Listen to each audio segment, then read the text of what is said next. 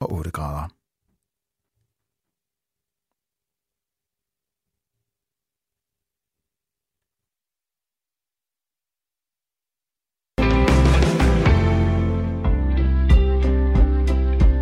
Rigtig hjertelig velkommen til øh, Fire på Foden. Vi skal i dag tale om en øh, bestemt person. Han indeholder alle elementerne fra en klassisk mytisk fortælling. En opstigen fra en hårdt arbejdende immigrantfamilie til rigdom og berømmelse. En kontroversiel og konfliktsøgende personlighed kombineret med en total mangel på respekt for strukturerne og autoriteterne i sin branche. Og ikke mindst masser af succes. 55-årige Mino Raiola er hadet af mange, hvis ikke de fleste i fodboldverdenen. Storklubber som Barcelona og Ajax Amsterdam har i perioder decideret haft udelukket at handle med ham. Men de største stjerner flokkes stadig til superagenten. Nu har Raiola igen lagt sig ud med Manchester United over hans klient Paul Pogba. I den anledning tegner vi i dag et portræt af agenten og karakteren Mino Raiola. Det skal jeg gøre øh, sammen med dig, Jeppe Larsen Brock. Goddag. Goddag. Du er jo sportsjournalist på øh, politikken, øh, og, øh, og særligt, øh, synes jeg, er kvalificeret til at tale med om, øh, om Raiola her. Du har også øh, stødt øh, ganske mange gange på det navn i dit øh, arbejde med Football Leagues i sin tid.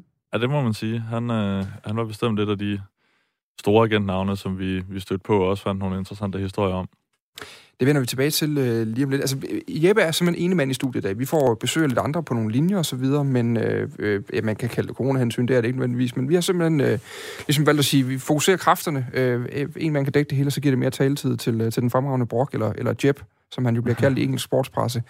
Øh, ja, vi skal lige starte med at kigge på noget sprit øh, nyt, øh, i hvert fald helt aktuelt og dukfrisk. Det er nemlig øh, lodtrækning til slutspillet i Champions League øh, som i dag er kommet. Jeg kan lige prøve at rise kampen op for dem, der ikke har øh, haft held til at se det her endnu. Øh, der var en, der på Twitter skrev ganske fremragende, at ham, der står og trak øh, øh, kampene ud, han lignede simpelthen, at øh, den klassiske, øh, eller den gamle portugisiske spiller, Manish, havde spist øh, Jim Carrey.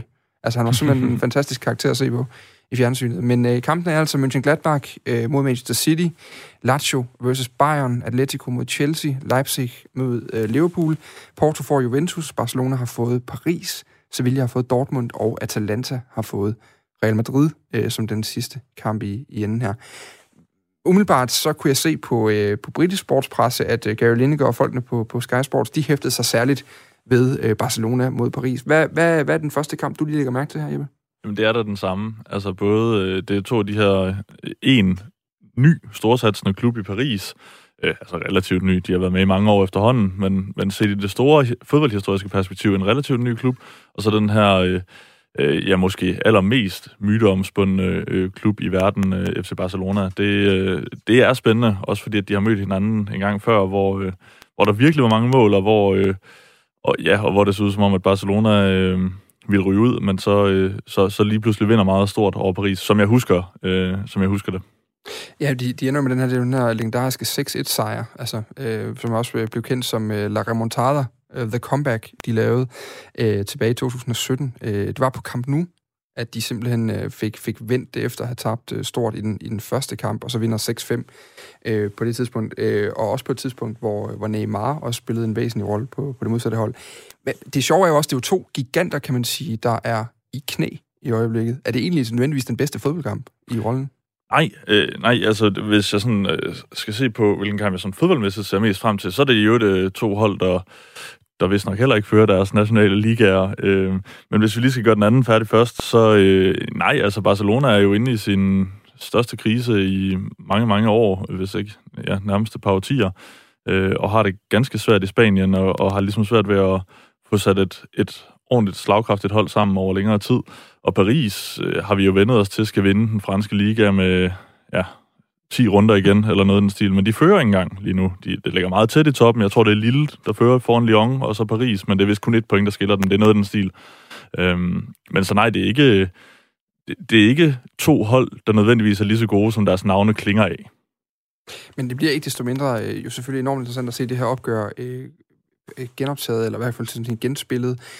Der er også en anden kamp, jeg sådan lige hæftede mig ved. Altså sådan, når man kigger på den bedste fodboldkamp, så ja. tænker jeg først på Leipzig mod Liverpool. Ja, det var garanteret. Det var nemlig også den, jeg, jeg gerne vil ind på. Ja. Øh, øh, to, to hold, som jo, øh, hvis de heller, som jeg siger, heller ikke fører deres nationale liga, men der er bare noget rent fodboldmæssigt i den, som som jeg virkelig ser frem til. Altså det er jo, det bliver dynamitfodbold. Altså det er to enormt dynamiske hold, øh, eksplosive, højt pres, masser af fart, Øh, og det, det kan jo blive højeksplosivt, når de møder hinanden. Så det, det kan blive rigtig sjovt, tror jeg. Hvem, altså det er jo også på en eller anden måde sådan den, den, det store opgør i den nye tyske trænerskole. Altså der er jo ligesom det her trio af store tyske trænere i øjeblikket. Ah, nok måske mere en, en kvartet, hedder det vel, øh, når man også skal tage Flick med, som dukkede frem i Bayern lige pludselig. Men, men altså, vi har, vi har Tuchel i PSG, og så har vi Klopp i Liverpool, og så har vi øh, Julian Nagelsmann i, øh, i, i Leipzig. Og nu er det så Klopp og Nagelsmann, der står over for hinanden. Er det samme type fodbold, der mødes? Jeg ved ikke, om det er 100% er, af samme type fodbold, men det er vel øh, rigtigt at sige, at det er af samme skole på en eller anden måde, eller for i hvert fald for, for et fodboldutrænet øje, så vil det øh, se ret uens ud, og jeg betragter ikke mit fodboldøje som så trænet, at jeg vil være i stand til at sige de præcise forskelle. Men Klopp er vel den mand, der sådan ligesom stod for det nye gennembrud af tyske trænere. De har haft gode, virkelig gode trænere før. Øh, Jupp Heynckes øh, øh, vandt senest The Triple med, med Bayern München også. Så de har bestemt haft rigtig, rigtig gode trænere før det. Men trænere, som står for en eller anden ny og mere dynamisk, øh, eksplosiv stil. Det var jo ligesom Jürgen Klopp, der førte det frem i, i sin Dortmund-tid, øh, og som øh, Julian Nagelsmann øh, også er eksponent for, for nu. Så det er jo ret sjovt at se sådan, den næste generation, øh, som, altså det er Nagelsmann jo faktisk allerede i forhold til, til Klopp, kan man sige. Skal vi lige prøve at lave den, den der sjove øvelse med, med at, at komme med sådan nogle komplet øh, sådan hurtige bud? På... Ja, ja, ja. Lad os, lad os gøre os til grin. Skal vi ikke gøre det? Jo, jo, jo. jo nu er vi alligevel alene. Der sidder ikke nogen af de der kloge hoveder, der ved alt muligt om fodbold i, i programmet i dag. Altså Mönchengladbach, Manchester City, den ja. tænker jeg City. Det er helt afgjort. De, jeg så, at uh, Mönchengladbach selv havde lagt ud på deres Twitter-profil, at uh, de har uh, to gange tidligere været i gruppespil. Der var de i gruppen med City, der var de, gik de ikke videre, uh, og nu gik de så videre og møder så City i 16 eller i 8. finalen, og det er sgu, sgu sådan lidt øv-agtigt for den. Uh, så de ser i hvert fald nok også City som favoritter. Det er ligesom, øh, de, de når snart i sådan et Arsenal-syndrom, hvor man møder Bayern hver eneste år på et eller andet tidspunkt, så ved man ligesom, at turen slutter det der, ikke? jo. Øh, Lazio har så netop fået Bayern. Øh, et Lazio-hold, som jo egentlig har set øh, imponerende ud, på trods af, at de lige måtte kæmpe sig videre til sidst for den her øh, gruppe, der blev mere spændende, end man havde regnet med. Øh, Bayern er vel bare store favoritter igen i år til del. Ja, ja, ja de er jo som favoritter til, til hele turneringen, så øh, bestemt også i den kamp, ja. Så har vi Atletico, så vi gider ikke bruge mere tid på Bayern. Det, det, vi har snakket masser om Bayern, det, der skal også nok komme mere om dem.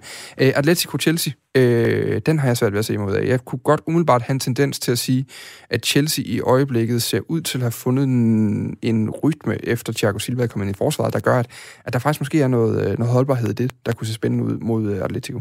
Jeg, jeg synes virkelig, den er tæt, den der. Altså, den har jeg øh, godt nok svært ved at kalde. Jeg, jeg hældte en lille smule til Atletico, øh, men det er jeg kan jo bedst begrunde det i mavefornemmelse. Den er også god. altså, for jeg er fuldstændig enig med dig. Altså, Chelsea ser egentlig ud til at være ganske udmærket, men, øh, men jeg, jeg tror, de får det svært mod, øh, mod det der virkelig øh, ja, ja. det solide fundament i Atletico. Så har vi Leipzig-Liverpool, det bliver dynamitkampen, øh, og, så, og sådan en, hvor man bare lynhurtigt, hvis man ikke øh, var dybere ind i det, ville sige, det er et Liverpool. Det kan, de kan kun være favoritter til den. Det, det, den. Den er jeg heller ikke helt sikker på, faktisk. Nej, det er jeg heller ikke sikker på. Liverpool øh, har det ikke specielt øh, let for tiden, og, og mangler øh, jo primært, må man sige, Virgil van Dijk nede i, i forsvaret.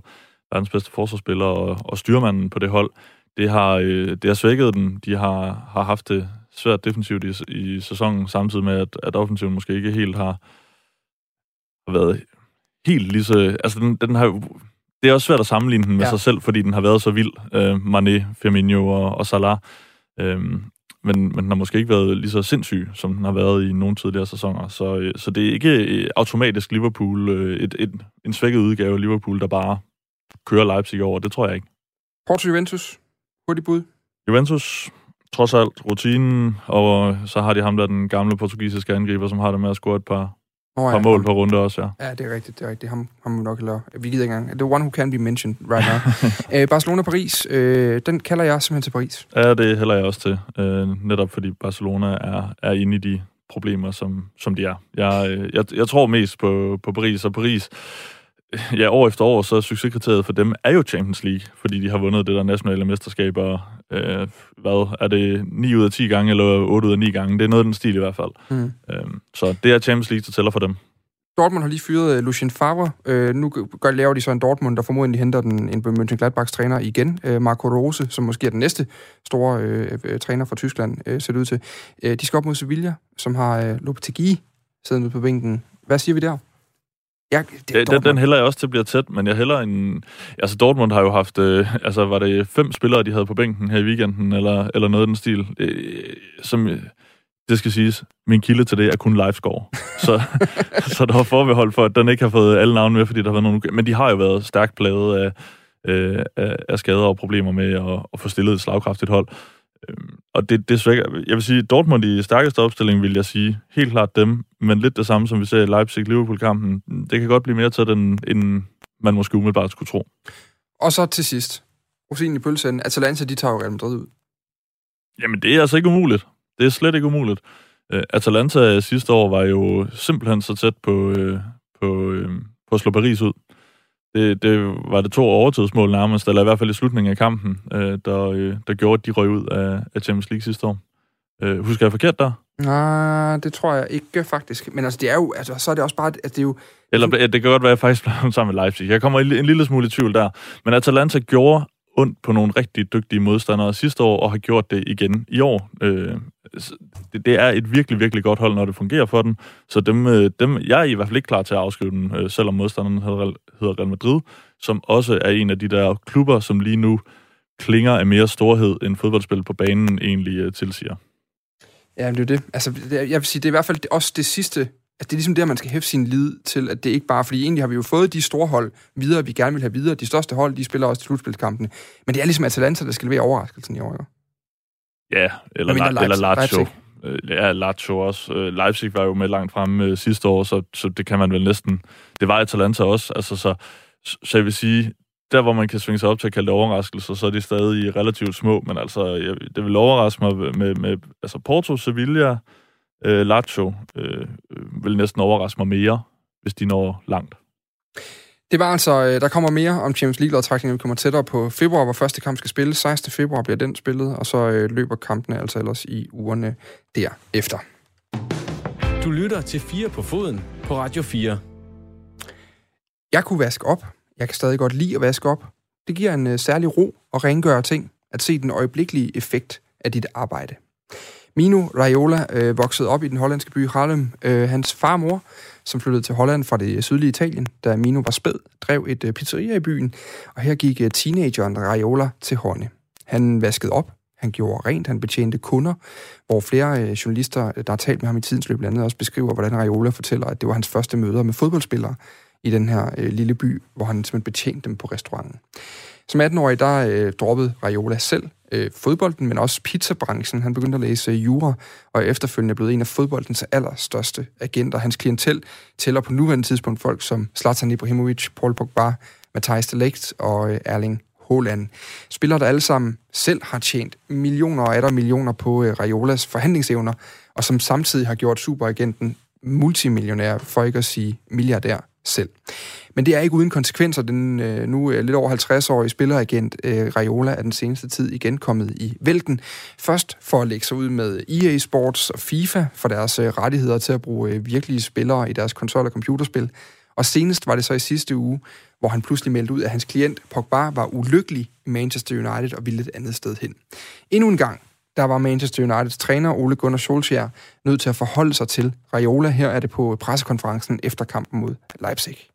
Squad is fine. Uh, they're a team and uh, they stick together. Uh, as soon as Paul's agent realizes this is a team sport and we we work together, uh, the better. And that's probably the maybe the the last thing I'll say about that. I don't want to spend uh, energy on that hurtigere Paul Pogba's agent lærer, at fodbold er en holdsport, jo bedre, som han siger her. Øhm, Jeppe, vi starter lige hos dig, øh, fordi du har sammen med en gruppe journalister fra andre europæiske lande jo arbejdet med de her såkaldte football leagues, hvor I udrullede en lang række historier på baggrund af en masse lækkede dokumenter. Øhm, blandt andet om de her superagenter og deres, øh, hvad kan man sige, deres modus operandi. Først og fremmest, og bare lige kort til at starte med, hvor, hvor højt rangerer Mino Raiola egentlig i agentverdenen? Øh, uden at der jo selvfølgelig findes øh, officielle rangeringer, så vil, vil jeg jo placere ham øh, op blandt de, de nok tre største. Øh, altså, Jorge Mendes, Ronaldos agent, som også har utallige andre øh, portugisiske spillere og andre stjerner, øh, vil jeg nok altid kalde den allerstørste, fordi han er kendt som sådan en, en blæksprutte, en, en, sådan en æderkop i spinden, der kan trække i alle mulige tråde i hele fodboldverdenen. Øh, men så vil jeg nok sige, at Raiola kommer lige efter ham. Og nu kan jeg så sige øh, pænt goddag til øh, dig, Michael Stensgaard. God aften. God aften. Du er selv øh, spilleragent og øh, har, har blandt andet øh, primært danske fodboldspillere rundt omkring i, øh, i, i hvad hedder det, i fodbold-Europa, og også hjemme i Danmark. Hvordan ser du egentlig fra, som, som fagmand på, på Mino Raiola?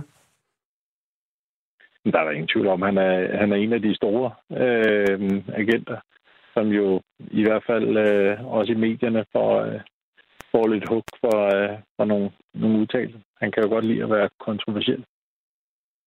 Og hvad, er det en god evne, når man er spilleragent? Ja, det, det er det jo for nogen. Der er jo mange forskellige måder at gøre det på. Øh, altså, der, der er der ingen tvivl om, at, at hele agentbranchen øh, nok burde kigges lidt efter i sømmene i forhold til øh, den magt, som, som spilleragenter har fået øh, hen over Europa.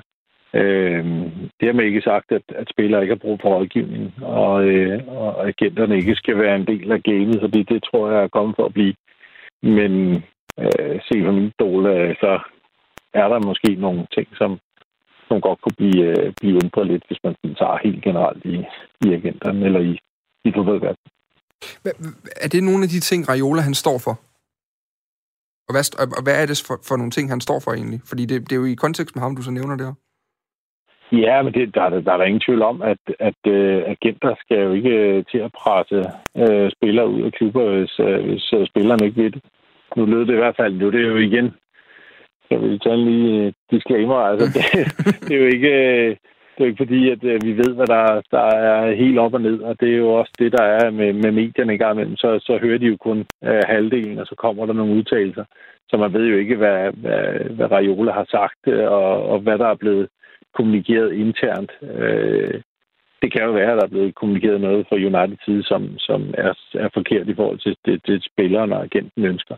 Øh, men det, det skal jo mere være et samarbejde, og det virker ikke som om, at samarbejdet er sådan, øh, uh, super godt lige uh, parterne imellem der i hvert fald. Jamen, øh, når vi snakker om Mino Raiola, så er han jo den her agent, der, øh, der i netop, som Michael er inde på, er enormt aktiv i, i medierne. Jeg sad i optakten til det her program lige og samlede altså nogle af alle de der ting, han har, han har haft af konflikter med klubber. Og det er altså det er klubber som Barcelona, det er Ajax Amsterdam, det er Liverpool, det er Real Madrid, det er AC Milan, det er, det er Napoli, det, det er nogle af de allerstørste, og det er jo dermed også nogle af de allerstørste trænere og klubejere i verden, han lægger sig ud med. Han har blandt andet kaldt uh, Aurelio Di Laurentiis fra Napoli, han kaldt for, uh, for en leder, der leder på samme måde, som Mussolini gjorde i det gamle Italien. Uh, han har bedt Johan Cruyff og, uh, og Johan Guardiola, eller Josep Guardiola om at tage ud på et, uh, Øh, mental asylum. Det er jo sådan lige, hvordan man oversætter det, men enten er det noget retreat, eller også så er det ment som et mentalhospital, og sætte sig og spille, uh, spille kort, fordi de, de, det ville være at gøre Barcelona en tjeneste, dengang Zlatan var der og ikke fik spilletid. Altså, hvad er han for en, for en altså når han, den her, den her uh, meget aggressive stil, han har i medierne, altså, uh, hvor, hvor, hvor meget betyder det? Altså, hvor, hvor, hvor, hvor central en del af det er, er Raiolas karakter, kan man sige?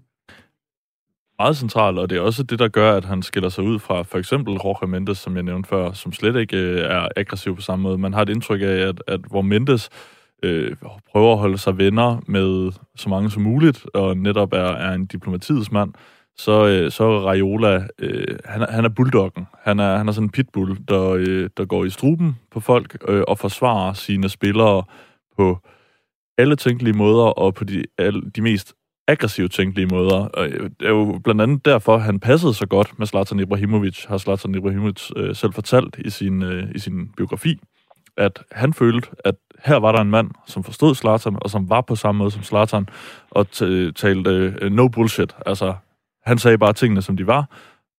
Det er simpelthen en del af øh, historien og portrættet af Mino Raiola, den her øh, aggressive karakter. Michael Stensgaard, øh, du er jo selv, nu har, du er også med i mit panel her i programmet og vi taler sådan relativt øh, ofte sammen, øh, også omkring øh, programmet, hvad vi skal lave og sådan ting, og der vil du jo gerne være med, og du vil gerne være medierne. Du er ikke på den måde mediesky, kan man sige. Men du er heller ikke typen, der går ud og, og sviner øh, øh klubber og klubejere og trænere til i pressen, fordi dine spillere føler sig klemt på. Hvad, hvorfor gør du ikke det? Det går meget godt for Raiola, kan man sige. Ah, ja, jeg synes, øh, jeg synes måske, at, at man arbejder mod et fælles mål. Uh, uh, og det gør man jo sammen med, med klubberne også.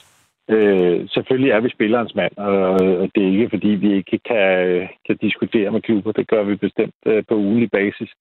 Øh, og også ophæve øh, dialoger. Men øh, det, det er jo et spørgsmål om, at man skal, man skal finde ud af, er der en plads til spillerne, eller er der ikke en plads? Øh, vi kæmper der også for, for vores spillere.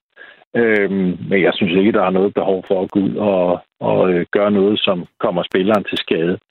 Øh, og, det, og det virker tit, øh, for mig i hvert fald, som om der er nogen, der prøver at gå ud og, øh, og egentlig bare få deres spillere væk. Øh, fordi man måske kan, kan ja, skabe en transfer på det, som man måske kan tjene lidt, lidt ekstra øh, penge på.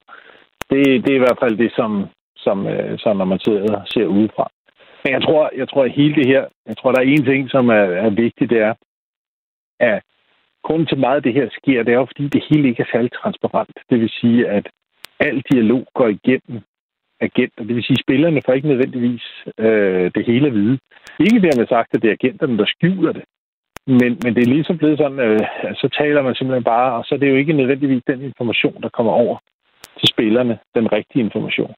Øh, omvendt, så øh, hvis, hvis klubben taler med spilleren direkte, så kan det også godt være, at de prøver at manipulere tingene. Så, så der er sådan et, en, et, et trækløver på en eller anden måde, som skal få tingene til at, at fungere. Og det kan være rigtig, rigtig svært, hvis ikke alle er åbne og transparente omkring tingene. Og det er tit det, som, som der egentlig går galt, når man sådan tager de her konflikter mellem agenter, klubber og, og spillerne fanget ind i midten. Men man kan jo sige, at det går jo meget godt for Raiolas klienter.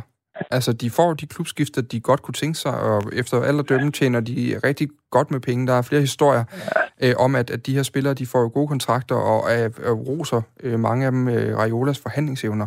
Mm.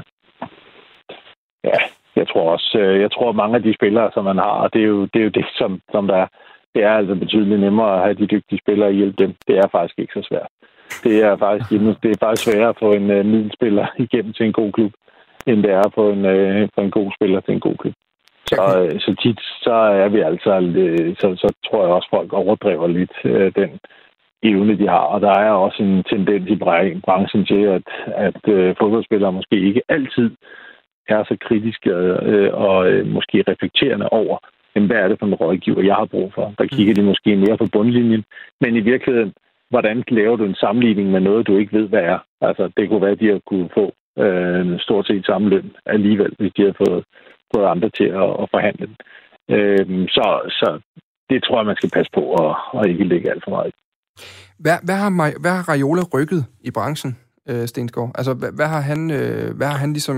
Altså, jeg tror ikke, jeg tror ikke, jeg, jeg tror ikke, han har rykket særlig meget. Øh, jeg tror, hvis ikke han havde været der, så havde der været en anden, der havde været der. Så, øh, så, så det er jo et eller andet sted bare, kan sige, han er jo en, en del af en, en proces i hvert fald, øh, som, som klubberne på den ene side hader, men som, som øh, på den anden side også er nogle klubber er gode til at udvikle, eller udnytte øh, på den måde. Sige, så betaler vi lidt mere, så får vi, får vi ham ind.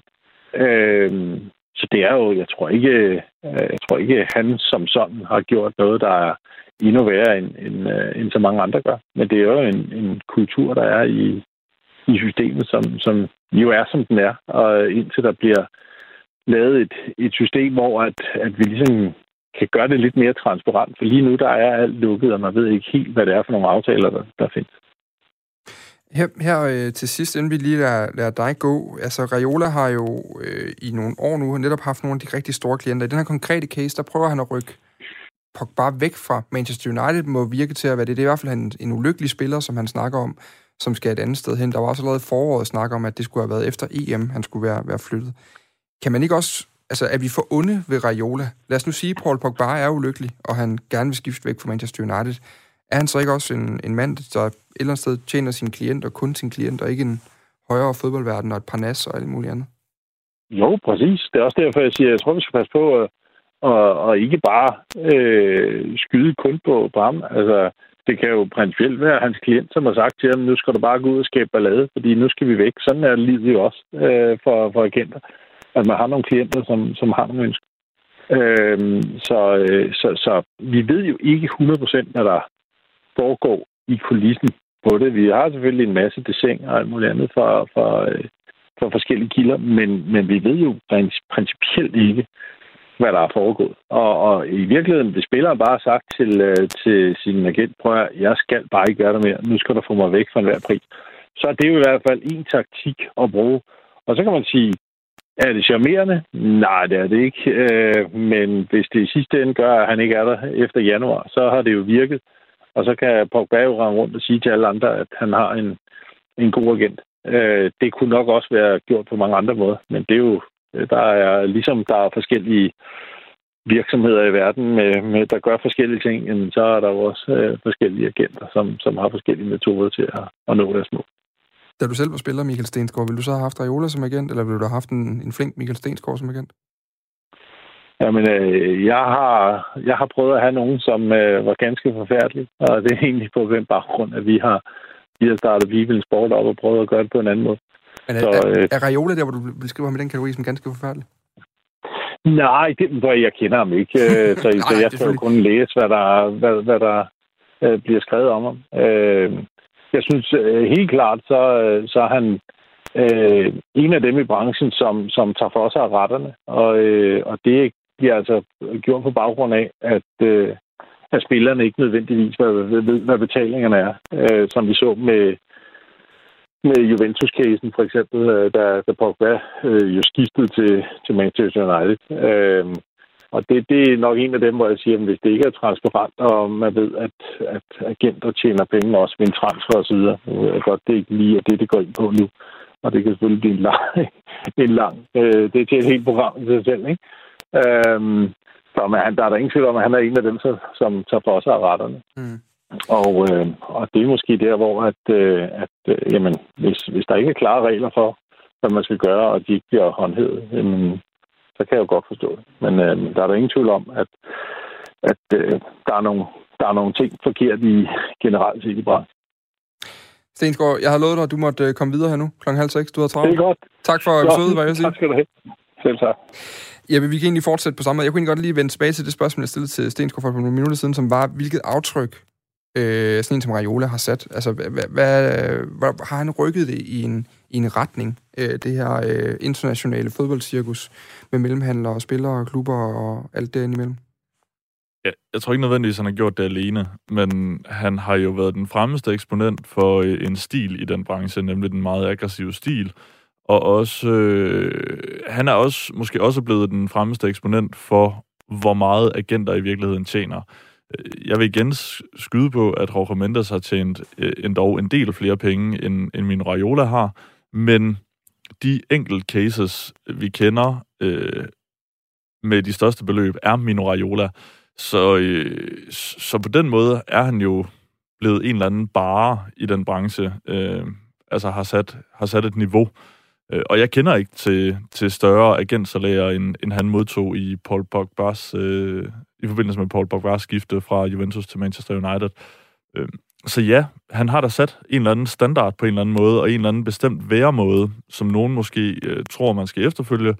Øh, og man kan vælge at sige, at det er at repræsentere sine spillere med, med alle tænkelige midler. Jeg er ikke sikker på, at det altid er i i sidste ende er godt for spillerne, men, men det kan kun spillerne selv jo øh, vide, men altså, det kan ikke nødvendigvis være rart at blive lagt for had af fans på grund af ens øh, agent. Tænker jeg, men, men jeg har jo aldrig været i den branche, så det kommer måske også an på, hvor meget penge vægter i forhold til at være populær. Men kan det være, at man går glip af nogle, øh, nogle sponsorkontrakter, fordi man bliver mere upopulær, så det i virkeligheden koster på den måde også. Kan det være, at der er nogle klubber, der faktisk ikke gider handle med en, fordi man, øh, fordi, fordi man har Mino Raiola som agent? Øh, Alex Ferguson, altså det er jo ikke tilfældigt, at øh, Ole Gunnar Solskjaer øh, taler så hårdt om Mino Raiola, fordi Alex Ferguson har jo sagt, at Raiola var den eneste agent, han, han virkelig ikke kunne stå øh, øh, og, og samarbejde med så det er jo noget, der er arvet i Manchester United på en eller anden måde. Og kan det, at en klub måske virkelig ikke ønsker at samarbejde med Raiola, kan det gøre, at man måske faktisk ikke kan tilbyde sin klient lige så gode klubmuligheder som ellers? Altså, det er ikke sikkert, at det har så hårde konsekvenser, men jeg siger bare, det er ikke entydigt godt, tror jeg, når man forsvarer sine klienter på den måde, som han gør. Og historien om Mino Raiola er en historie, der egentlig fortælles bedst igennem anekdoter og igennem eksempler fra tiden, fordi der er mange, og de er blevet relativt offentlige, øh, flere af dem, som vi faktisk ved, der er foregået. Og lige på Ferguson, når du nævner det, øh, der er en fremragende artikel, som den, øh, den amerikanske journalist Tim Cooper har skrevet i Financial Times øh, om, om Mino Raiola øh, i 2016. Og der citerer han faktisk direkte fra en kontraktforhandling øh, i 2012, hvor øh, det er jo igen med ham og Paul Pogba, det er så bare, da han er ved at skifte væk fra Manchester United til Juventus på det tidspunkt, at Raiola, han går ind til Ferguson og beder ham om en bedre kontrakt til, øh, til, øh, til, til Paul Pogba, som han repræsenterer, og så øh, finder løbende øh, øh, dialog sted. Altså Ferguson siger til Raiola, jeg har ikke tænkt mig at tale til dig, hvis spilleren ikke er i lokalet. Raiola siger så, få spilleren ud af det her øh, omklædningsrum, få ham herind nu. Så kommer Pogba ind i lokalet, så siger Ferguson til Pogba, du har ikke lyst til at skrive under på den her kontrakt? Pogba siger, vi kommer ikke til at skrive under på den her kontrakt under de her øh, forhold. Så, skriver, så siger Ferguson direkte henvendt til Raiola, som for første gang siden øh, Pogba kom ind i lokalet, you are a twat. Øh, og så fortsætter den lidt, øh, og så siger Raiola, efter de har forhandlet frem og tilbage, siger han, det her er et tilbud, min chihuahua, jeg har to chihuahua-hunde, ikke ville skrive under på. Så siger Ferguson, hvad synes du, han burde øh, tjene? Og det er henvendt om Pogba. Så siger Raiola, bare ikke det her. Så siger Ferguson igen, you are a twat. og det, der er mange af de her anekdoter, vi tager dem i løbet af næste halve times tid, hvor vi skal snakke lidt videre om Raiola. Men, men omkring det her med, Jeppe, for du kom ind på, på den her Pogba-transfer, som Stensgaard også nævnte lidt omkring, øh, da vi talte med ham for lidt siden. Og det er jo en af de ting, I kiggede på i Football League også. Altså, hvad er det med den her øh, Paul Pogba-transfer, altså fra Juventus til Manchester United, der er så på en eller anden måde epokegørende i forhold til, til Raiola og i forhold til agentverdenen? Jamen altså, hvis vi skal starte med konklusionen, så er det det største beløb, som jeg nævnte, jeg har hørt om et, øh, altså, øh, i forbindelse med en transfer til en agent. Han tjente 365 millioner kroner på Pogba's skifte fra Juventus til Manchester. Øh, det er jo en helt uhyrlig sum, det er jo en million kroner om dagen i et år, øh, han har fået for det. Øh, og det skal man jo holde op imod, at øh, selve transfersummen var cirka 780 millioner kroner. Så han har næsten tjent, hvad der svarer til i omegnen 50 procent af transferen. Det, det er øh, helt vildt høje beløb, selv i en branche, hvor agenterne nogle gange får rigtig mange penge. Så det, det er ligesom øh, i sig selv vildt, og noget af det, som kunne afsløres øh, ved hjælp af Football Leagues. Måden, han kunne komme til at tjene de penge på, er det, der gør det ekstra vildt. Fordi måden, det kommer op på så stort et beløb, er fordi han er ansat af alle tre parter.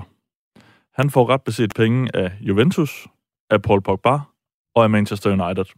Hvilket i sig selv jo, altså normale mennesker vil sige, det er da en vanvittig interessekonflikt. Fordi hvordan kan han repræsentere Paul Pogbas interesser over for Manchester United, men samtidig repræsentere Manchester Uniteds interesser over for Paul Pogba? Og omvendt, hvordan kan han både repræsentere Juventus' interesser over for Manchester United, og Manchester Uniteds interesser over for Juventus? Der er jo simpelthen nogle interessekonflikter, der, der, der, der bare ikke giver mening. Altså, man kan jo ikke være en lige god repræsentant for alle parter, når der er forskellige øh, interesser. Altså, selvfølgelig vil Paul Pogba gerne have så meget i løn som muligt. Manchester vil gerne betale så lidt i løn som muligt. Og det samme med transfersummen mellem Juventus og United. Øhm, men, men det var det, som Stensgaard også var en lille smule inde på, at, at der er altså nogen, når der er den her lukkethed og mangel på transparens, så kan den, det her lade sig gøre.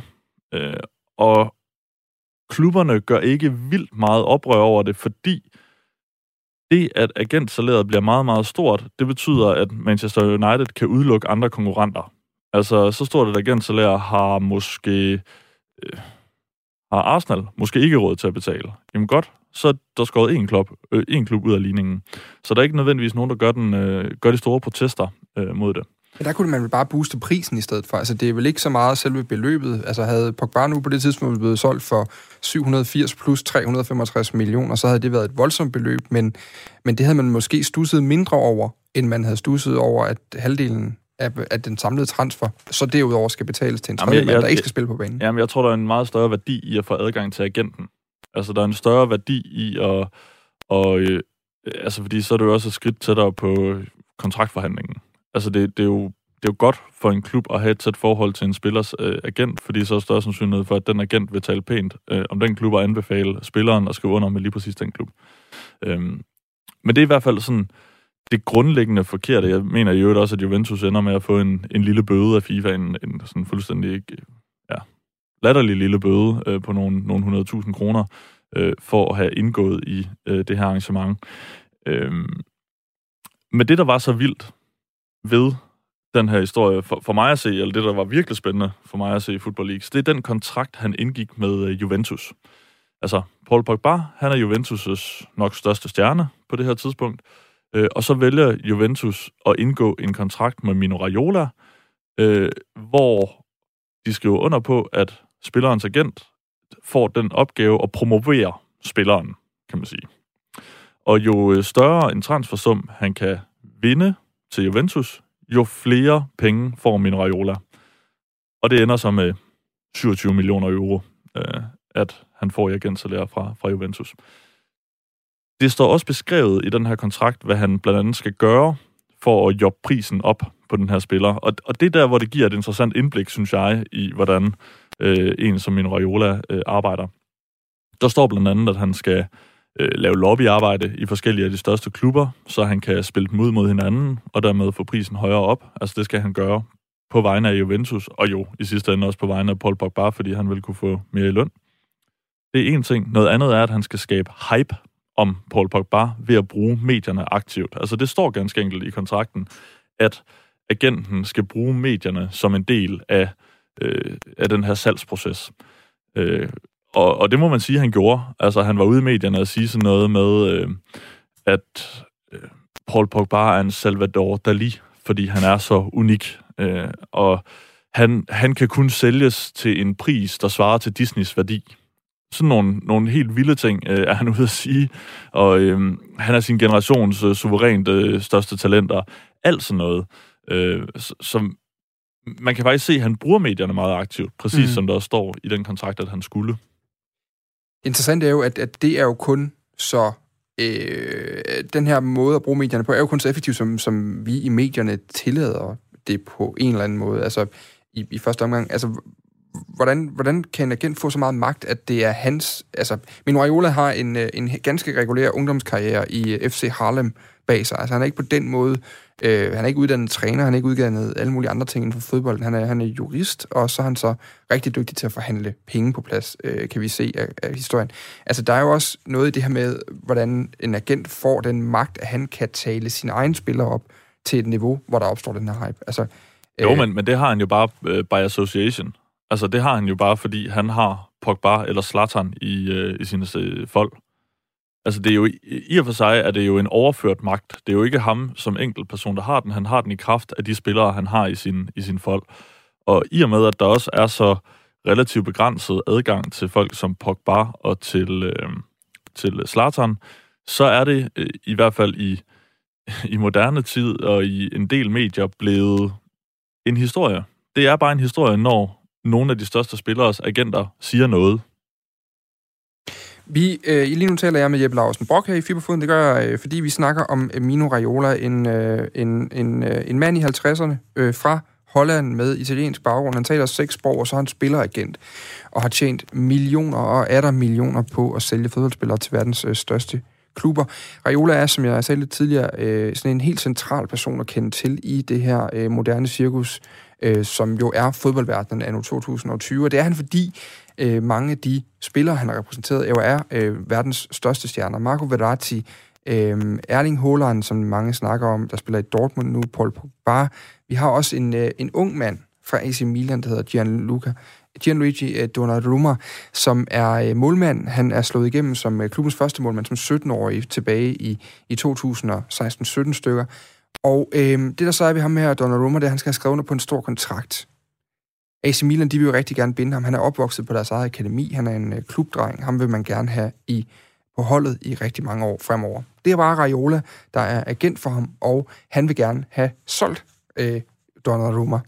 Først så siger Donnarumma nej til en ny kontrakt i 2017, da AC Milan tilbyder den. Og AC Milans, øh, AC Milans sportsdirektør Marco Fazzone på det tidspunkt, han skyder så skylden på Mino Raiola med følgende citat.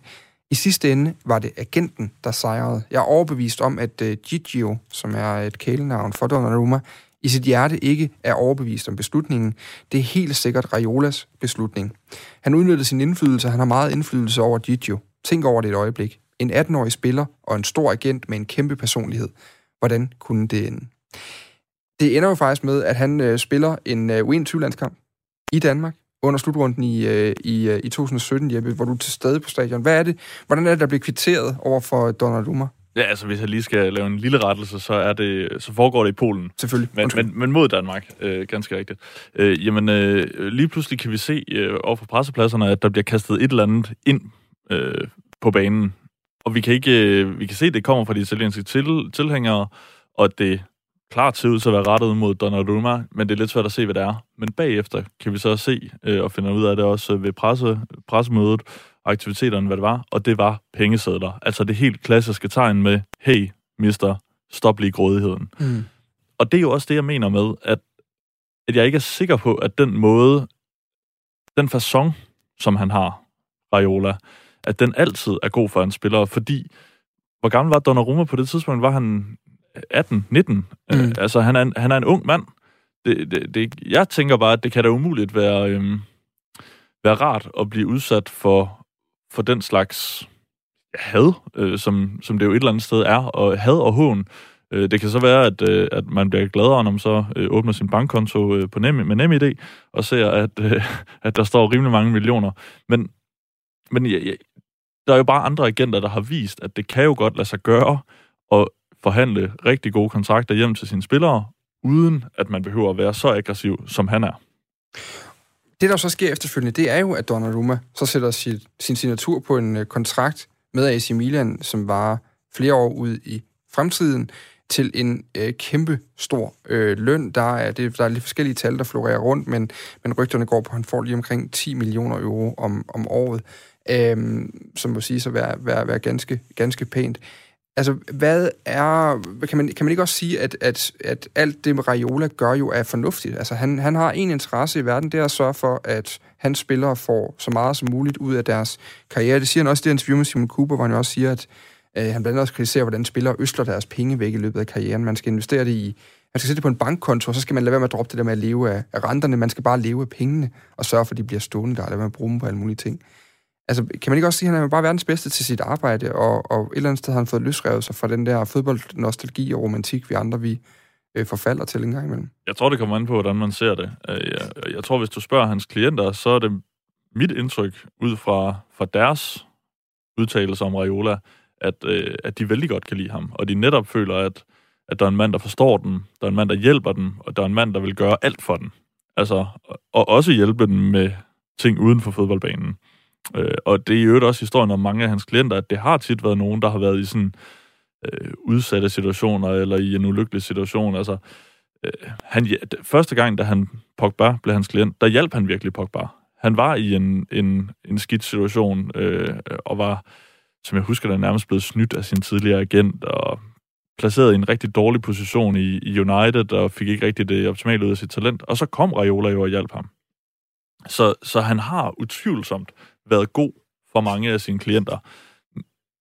Om han kunne have været lige så god med en anden fasong, det kunne han måske nok. Og uanset hvad, så piller hans fasong, og ikke mindst de salærer, som han selv får, det, det piller jo bare ved måden, i hvert fald vi romantikere ser på fodbolden. For det er forkert. Altså det føles forkert, at en mand, der ikke har nogen evner med en fodbold, skal have 365 millioner kroner for at ja, repræsentere Paul Pogba, have en, en spiller i sin stald, fordi det, man altid skal huske i de tilfælde, det er, at de penge, de går ikke til at udvikle øh, talentakademier, eller optimere stadionfaciliteter, eller gøre billetterne billigere, eller sælge merchandise billigere til fansenes glæde. Øh, øh, det går ikke til at, at udvikle øh, dele af fodbolden. Det går til en mand, uden for fodbolden. Det er penge ud af systemet, og hver gang der går penge ud af systemet, skal der andre penge ind.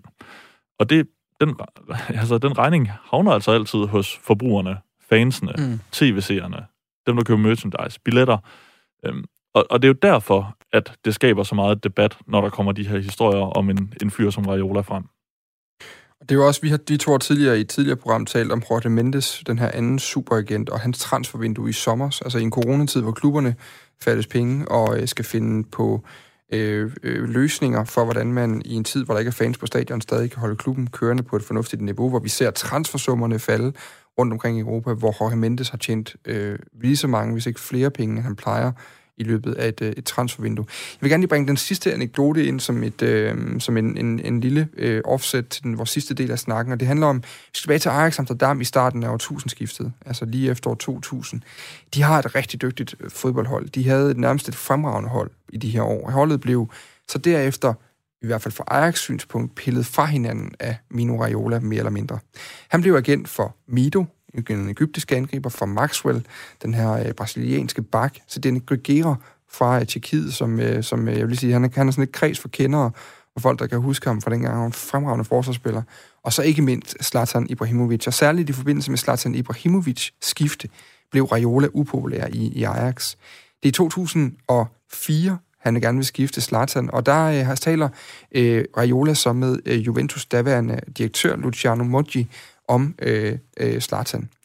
Og den her samtale har så set dagens lys to år efter Zlatans skifte til netop Juventus i 2004. I den samtale, der beder Moji Raiola om at blive ved med at lave problemer i Ajax sammen med Zlatan. Raiola siger, i morgen holder jeg spilleren hjemme hele dagen. Han møder ikke op til træning. Jeg har så en aftale med Ajax-direktørerne kl. 12, men jeg dukker først op kl. 14. Og det var også beskyldte Ajax også Raiola for frarådet både Maxwell og øh, Grigera at forlænge deres kontrakter i Holland, for at de i stedet kunne skifte til Italien på frie transfer, så på den måde få en større løn. Ajax nægtede derefter at forhandle med Mino Raiola helt til 2009, øh, hvor han, de gerne ville ansætte en træner, der hed Martin Jolt, en lille sjov anekdote, som så var en øh, øh, øh, hvad hedder det, Raiola-klient, og så var man nødt til ligesom at gå på kompromis med sit eget boykot af, af Raiola, kan man sige. Øh, Barcelona har også haft øh, Øh, nærmest troede med sagsanlæg mod Raiola, efter han fik svinet Johan Cruyff til godt og grundigt, dengang Zlatan øh, spillede i Barcelona og ikke blev brugt i Barcelona af træner Josep Guardiola. Øhm, vi hører også Stensgaard sige før, Jeppe, der med, at, at, at fodbold er en netværkssport, eller i hvert fald fodboldforhandling er en netværksdisciplin. Altså, at de her agenter kan være mange penge værd alene, fordi de kender de rigtige mennesker, eller de rigtige spillere, du skal bruge i en klub. Øhm, det, er jo, det er jo mærkværdigt, at han stadig den dag i dag har så store navne og repræsenterer så store navne, der skifter til så store klubber, når, han, når, der, når de her eksempler af, hvordan han gør sig uvenner med folk, de er, de er talrige. Øhm, hvad, altså... Jamen, det, det er der to grunde til. Altså for det første, som Stensgaard jo også ganske rigtigt sagde, at øh, det er let at sælge en god fodboldspiller. Paul Pogba skal der nok være nogen, der gerne vil have, fordi man ser, altså, man ser ham som en af verdens bedste fodboldspillere. Eller i hvert fald verdens potentielt bedste spillere. Han har ikke lige været så god på det seneste, men potentielt er han en af verdens bedste. Og det kendetegner i stort set alle klienter, som Raiola han tager sig af. Det er top, top, top spillere. Og derfor så skal klubberne nok komme krybende tilbage til Raiola, for klubberne er jo også hyggeligriske. De, de skal, hvis der er en spiller, de gerne vil have, og det så tilfældigvis er Raiola, jamen så skal de nok gå på kompromis med deres, øh, deres egne principper. Et, et, et, et sjovt eksempel på det, eller interessant eksempel, det er øh, Manchester United. Altså, det, Pogba er jo ikke... Pogba's, da de købte ham i Juventus, var jo ikke første gang, de forhandlede med Raiola igen, efter Raiola og, og Ferguson havde det, øh, havde det sammenstød, som du beskrev tidligere. Øh, det gjorde de jo også, da United købte øh, Henrik Mkhitaryan i øh, Dortmund. Og, og der, det kan godt være, at United faktisk ikke vidste det, men der havde de faktisk meget stor glæde af nogle af Raiolas tricks, øh, kan man sige igen i forbindelse med Football Leagues, så, øh, så kunne vi se, hvordan øh, Dortmund indgik en øh, meget kontroversiel aftale med Raiola i forbindelse med øh, en kontraktindgåelse med, med Henrik M. Mkhitaryan. Øh, der, der stod øh, for det første, at Raiola han skulle have en andel af, af salgsprisen, hvilket faktisk øh, er forbudt i fodboldens verden, fordi så er det netop, at agenter kan få incitamenter til at presse på for et skifte uden at det nødvendigvis er i klubbernes interesse eller spillerens interesse, men udelukkende på grund af hans øh, privatøkonomiske interesser. Det er øh, årsagen til, at den slags i udgangspunktet er forbudt. Men endnu mere kontroversielt stod der i den her sideaftale mellem øh, Dortmund og, øh, og Raiola, at hvis Dortmund modtog et skriftligt købstilbud og sagde nej, så skulle Raiolas selskab modtage 10% af det fiktive transferbeløb. Altså er det et beløb, den, den, den, øh, den potentielle klub havde lyst til at byde på Henrik Mkhitaryan? Så hvis United byder 300 millioner øh, kroner, så ifølge den kontrakt i hvert fald, hvis Dortmund så sagde nej til det tilbud, så skulle Raiola have 30 millioner kroner, fordi de afslog købstilbuddet, og dermed afviste Mkhitarjans mulighed for at komme videre i systemet. Det er også fuldstændig absurd. Altså. Man har set øh, andre af de type øh, aftaler, hvor klubber skal betale for at afslå købstilbud. Det har der blandt andet været øh, nede i, i Porto, der har indgået nogle af den slags kontrakter, øh, fordi de havde solgt dele af transferrettighederne til, til et selskab, der hedder Doyen, øh, som også har fyldt en del i, i Football Leagues.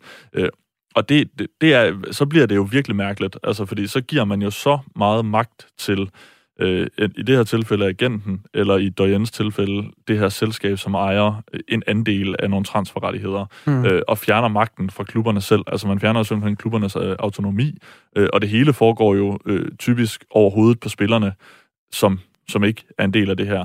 Så der er virkelig mange etiske udfordringer, øh, og formentlig også, formentlig også regel, regelmæssige, øh, altså lovmæssige øh, udfordringer i den type, type kontrakter det, det, altså, jeg synes, den er helt vild, den der med at skulle have 10% af et øh, afslået købstilbud.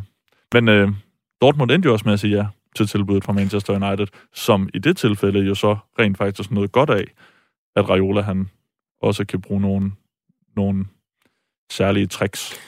Her til sidst, fordi vi, vi vil være færdige øh, med, med Raiolet øh, portrættet her, tror jeg, men, men Stensgaard, han, han var også inde på det her med, at man er nødt til at regulere sig ud af det her. Kan man regulere sig væk fra en mand som Raiola, hvis vi antager, at han er så skidt for, for den samlede fodbold? Altså han er god for sine klienter, de får masser af penge ud af det, men han, han er skidt for den samlede fodbold på en eller anden måde. Kan man regulere sig ud af det? Altså, eller er Raiola den type øh, mand og agent og forhandler, der altid vil dukke op, hvor pengene er, er størst? Jamen altså, jeg kender jo ikke manden specielt godt. Øh, jeg har lyst til at sige ja, men jeg ved det ikke, for jeg har aldrig talt med ham, øh, da vi i sin tid prøvede at, at, at et interview med ham i forbindelse med, med de ting, vi skrev om hans om rolle i det der Pogba-skifte, der, der fik vi et svar fra hans advokater om, at hans fodboldforretninger er fortrolige, og dem føler han sig ikke forpligtet til at dele med en avis. Og, og det er han jo heller ikke forpligtet til, øh, kan man sige.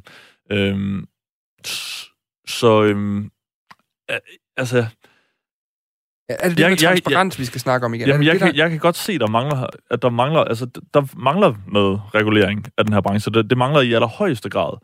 Jeg bare... Jeg, jeg tør næsten ikke tro på, at det virker, fordi Raiola er jo slet ikke alene.